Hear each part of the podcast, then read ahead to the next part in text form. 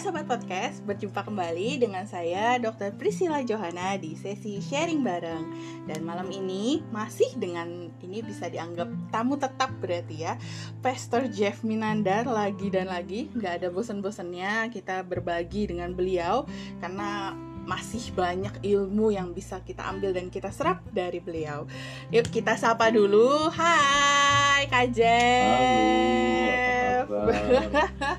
Sobat podcast dan. Dokter Priscilla. Uh.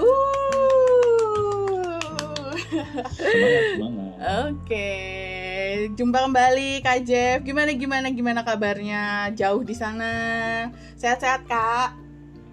Sehat sehat. Oke. Puji Tuhan semua Oke. nggak ada nggak ada masalah secara fisik ya. Oke.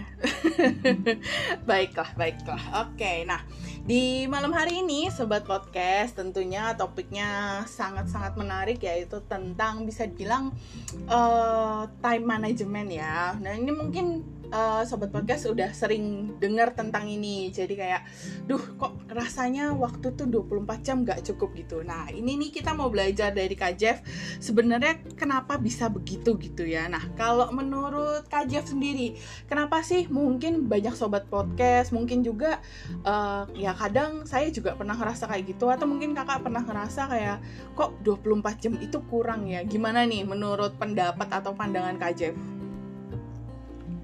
Ya jadi saya tadi juga baru posting di web saya jeffminandar.com kalau Oke. anda mau lihat di situ ada um, materi tentang waktuku tidak pernah cukup ini pernah saya bawakan juga di uh, Youth di Tegal Hmm.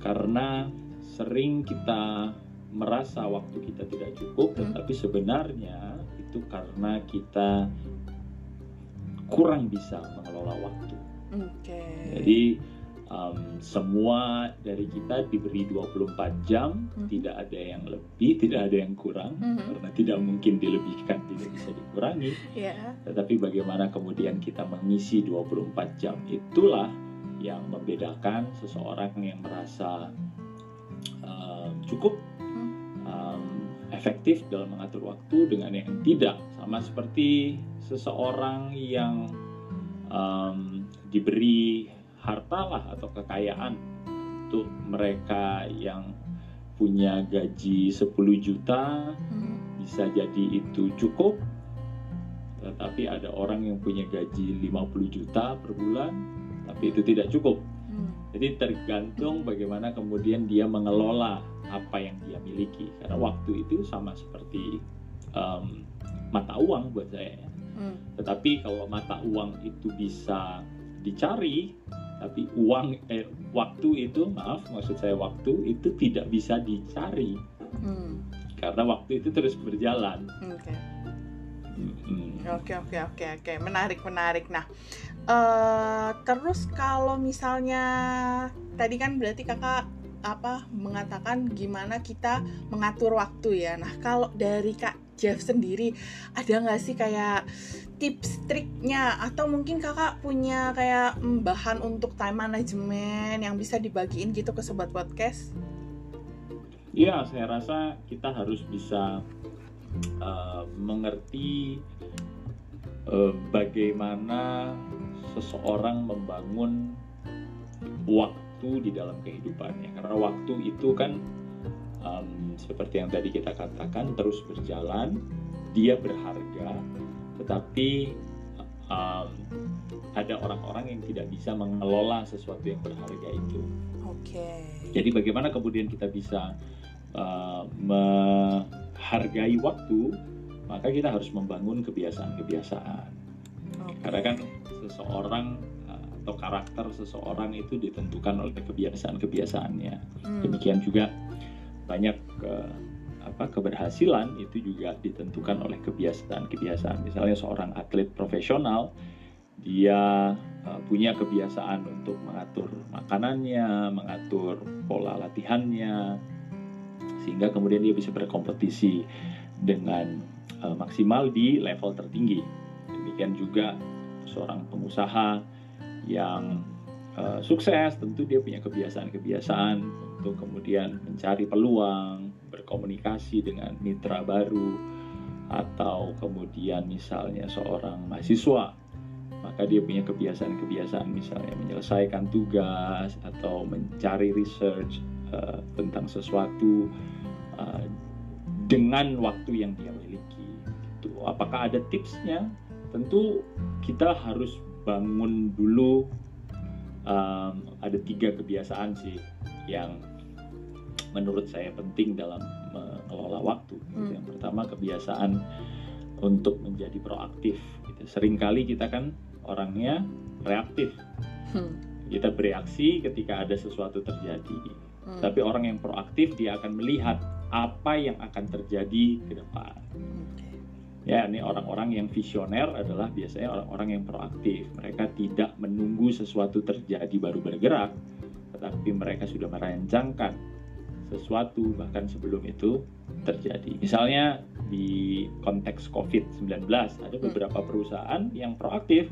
Mereka memang sudah berpikir tentang uh, istilahnya contingency plan ya, hmm. contingency plan hmm. atau emergency plan ketika ada sesuatu hal terjadi, apa yang akan uh, perusahaan ini lakukan. Nah, beberapa perusahaan ketika uh, COVID ini sudah mulai muncul, wabah ini mulai muncul, mereka langsung buat plan itu, gitu, apa yang harus kita lakukan, sehingga mereka tidak uh, terdampak uh, lebih jauh karena mereka sudah mengerti harus melakukan apa ketika uh, misalnya ini terjadi dan itu terjadi. Jadi punya pandangan ke depan saya rasa itu baik. Hmm. Apa yang akan terjadi satu tahun ke depan, apa yang akan terjadi lima tahun ke depan, saya rasa itu itu baik ya. Misalnya kalau di uh, kitab ada Yakub, hmm. ya dia berusaha untuk melihat bahwa dalam tujuh tahun saya akan mendapatkan istri saya, misalnya hmm. seperti itu, hmm. sehingga dia mengerti kenapa dia mengisi waktunya. Hmm. Jadi ada tujuan, ada ada ada hal yang yang dia kejar gitu sehingga dia tidak hanya tidak tidak hanya bersikap uh, reaktif kemudian kebiasaan yang kedua berpikir dari akhirnya hmm. jadi berpikir dari akhirnya itu dia melihat di akhir saya ingin dikenal sebagai siapa hmm. di akhir saya ingin dikenal orang yang seperti apa hmm. jadi um, ketika kita bisa membayangkan bahwa kalau aku mati maka orang akan mengenal. Bisa melihat itu, maka kemudian kita bisa menyusun waktu kita. Hmm. Misalnya ada yang paling sederhana prakteknya ada rekan-rekan yang punya asuransi. Ini hmm. bukan jualan ya, uh, tetapi maksud saya mereka berpikir hmm. kalau kemudian aku tidak bisa bekerja karena ini, apa yang uh, bisa bisa aku siapkan dari sekarang misalnya dia siapkan kalau udah punya anak asuransi pendidikan untuk anaknya ya maka misalnya pun saya mati anak saya akan bisa tetap sekolah. Misalnya seperti itu. Jadi ini orang-orang yang berpikir dari akhir. Hmm.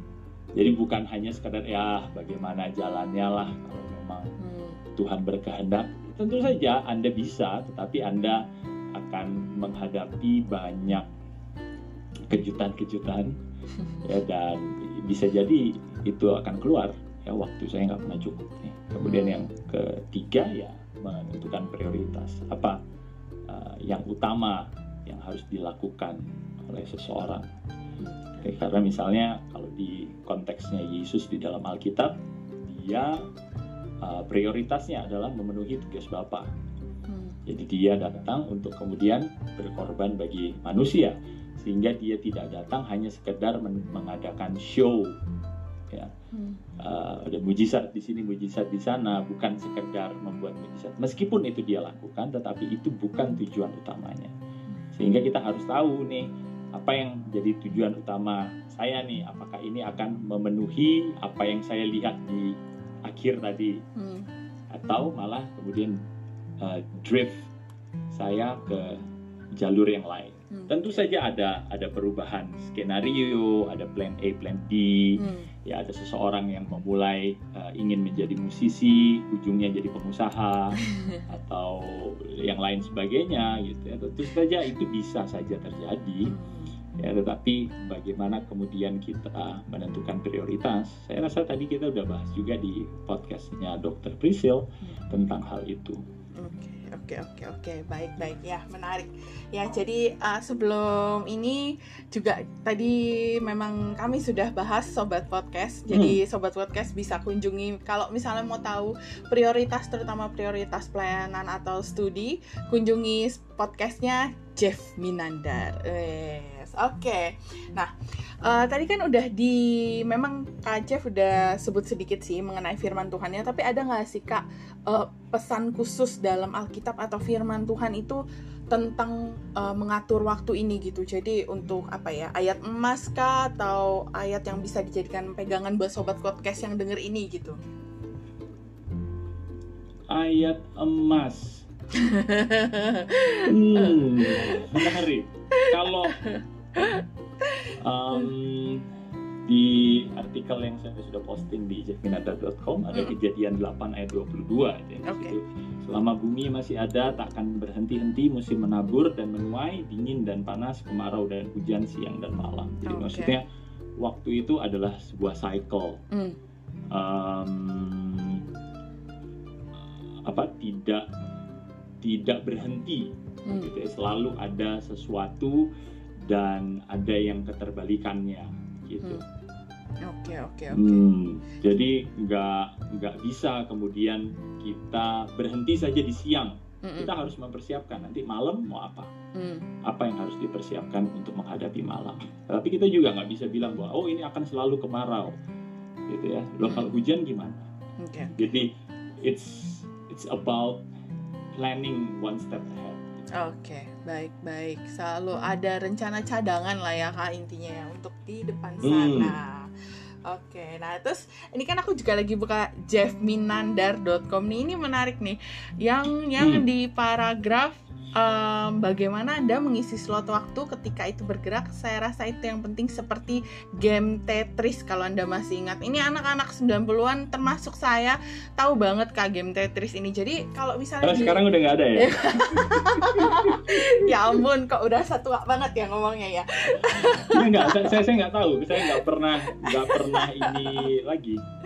kalau yang yang bener-bener game bot yang bisa apa ngomong ngomel-ngomelin orang yang main sih sekarang udah nggak ada kak dulu saya punya soalnya yang kayak gitu jadi ketika kita kalah dia tuh uh, gamenya itu tuh akan ngatain kita si alat game botnya itu nah mungkin sobat podcast juga ya punya yang di luar sana Hmm. Nah terus tapi ini menarik kak seperti game Tetris kalau anda masih ingat. Nah kalau ibarat game Tetris nih dari pandangan kak Jeff Minandar emang gimana sih kak sebenarnya kak? Kok bisa sampai Jadi- kayak gitu? Jadi maksud saya kalau anda ya coba Google lah ya. Oke, oke, oke, oke. YouTube Oke oke. game Tetris itu seperti apa. Oke, maka oke, anda oke. akan bisa lihat bahwa dia terus berjalan. Hmm. hmm. Oh, jadi ketika um, gamenya mulai, maka balok-balok itu akan terus turun. benar.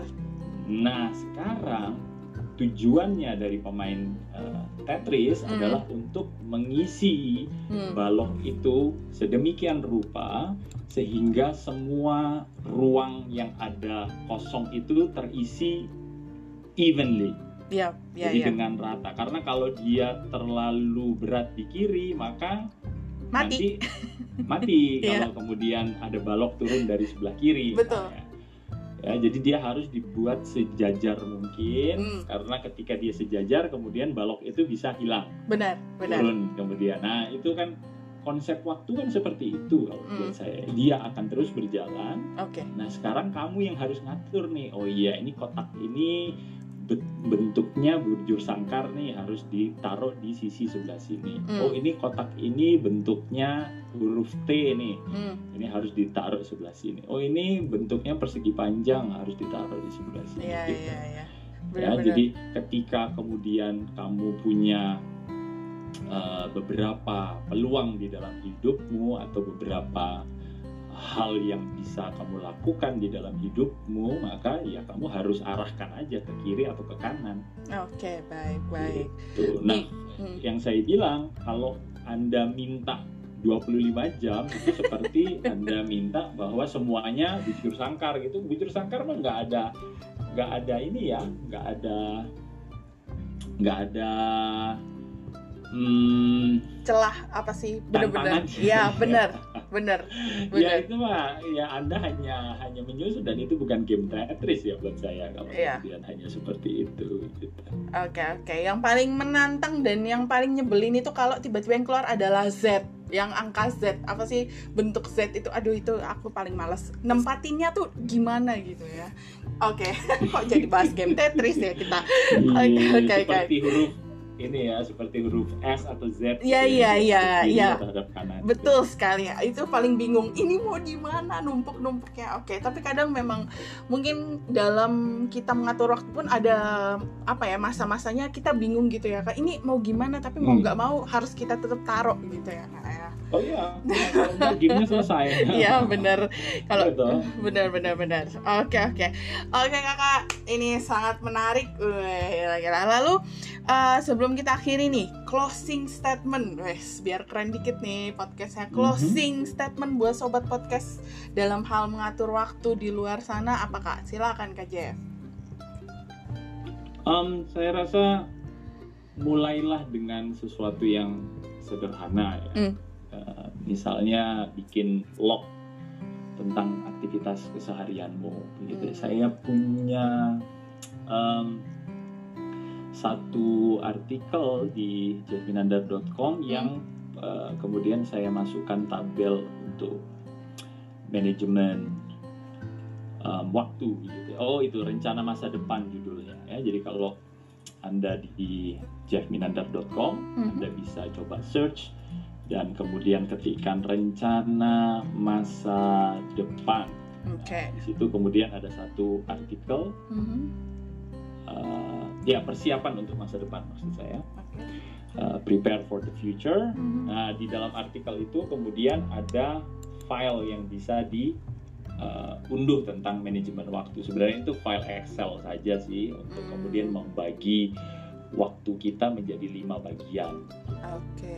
Jadi maksudnya ketika kita mulai apa mencatat ya melog atau me- meng- mengelompokkan Mhm. ke aktivitas seharian kita dalam lima bagian besar, Mhm. maka itu akan kemudian uh, kita akan mengerti mana yang uh, terambil lebih banyak, mana yang seharusnya lebih kita prioritaskan dan lain sebagainya. Mhm. Karena kalau kamu log semua sampai detail-detailnya nggak dikelompokkan, biasanya akan capek. Oke oke oke oke oke oke. ya kan karena em, buang buang sampah em, pergi ke ini itu semua kita bisa kelompokkan di satu grup gitu. jadi ada Oke, satu oke. grup tentang apakah itu aktivitas sehari-hari apakah itu aktivitas yang berkaitan dengan pekerjaan apakah itu aktivitas berkaitan dengan hubungan dengan Tuhan Hmm. apakah itu aktivitas hubungan dengan istirahat dan rekreasi dan Oke. seperti itu jadi ada bagaimana kita kemudian mengelompokkan hal itu jadi saya rasa itu yang paling sederhana untuk memanage waktu kita jangan jangan pernah berhenti belajar saya rasa untuk Oke. memanage waktu karena ada saat-saat di mana kita merasa waktu ini tidak cukup padahal sebenarnya yang diperlukan adalah kita mengatur pengelompokannya Oke, uh, keren keren.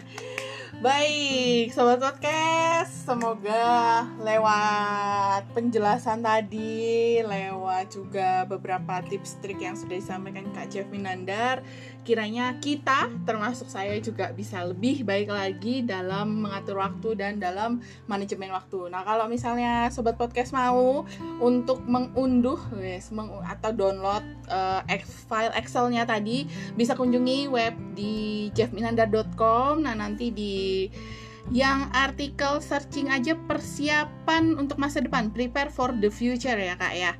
Nah itu nanti ada file Excelnya dengan yang ini loh ada ada tautannya manajemen waktu. Nah nanti teman-teman atau sobat podcast bisa download di situ. Kiranya itu bisa membantu sobat podcast dalam uh, mengatur atau uh, membuat schedule sehari-hari Oke, terima kasih Kak Jeff Mantap. Minanda. Terima kasih sama-sama. Untuk Terima kasih sudah waktunya. diundang Oh iya dong. untuk berkolaborasi. Oh jelas. Ini ini tamu tetap jadi sobat podcast. Kontributor. kontributor tetap pokoknya Kak Jeff Minandar. Udah udah dipakemin nih sama podcastnya Dokter Priscilla Johanna. Jadi nggak nggak ke mana-mana. Jadi kalau misalnya kalian merindukan uh, suaranya Kak Jeff Minandar nanti mungkin akan ketemu lagi di next year ya Kak ya. Dengan topik-topik yang tentunya lebih menarik lagi. Oke Sobat Podcast, terima kasih sudah menyimak podcast ini. Kalau misalnya kalian punya ide-ide menarik Atau misalnya kalian punya request, saran, dan juga masukan Silahkan email di dokter Priscilla at gmail.com Lalu bisa juga follow Instagram saya di Dokter Priscilla Johanna. Oke, akhir kata Sekali lagi terima kasih Kak Jeff. Sampai jumpa di next podcast berikutnya. Bye-bye. Ah, thank you.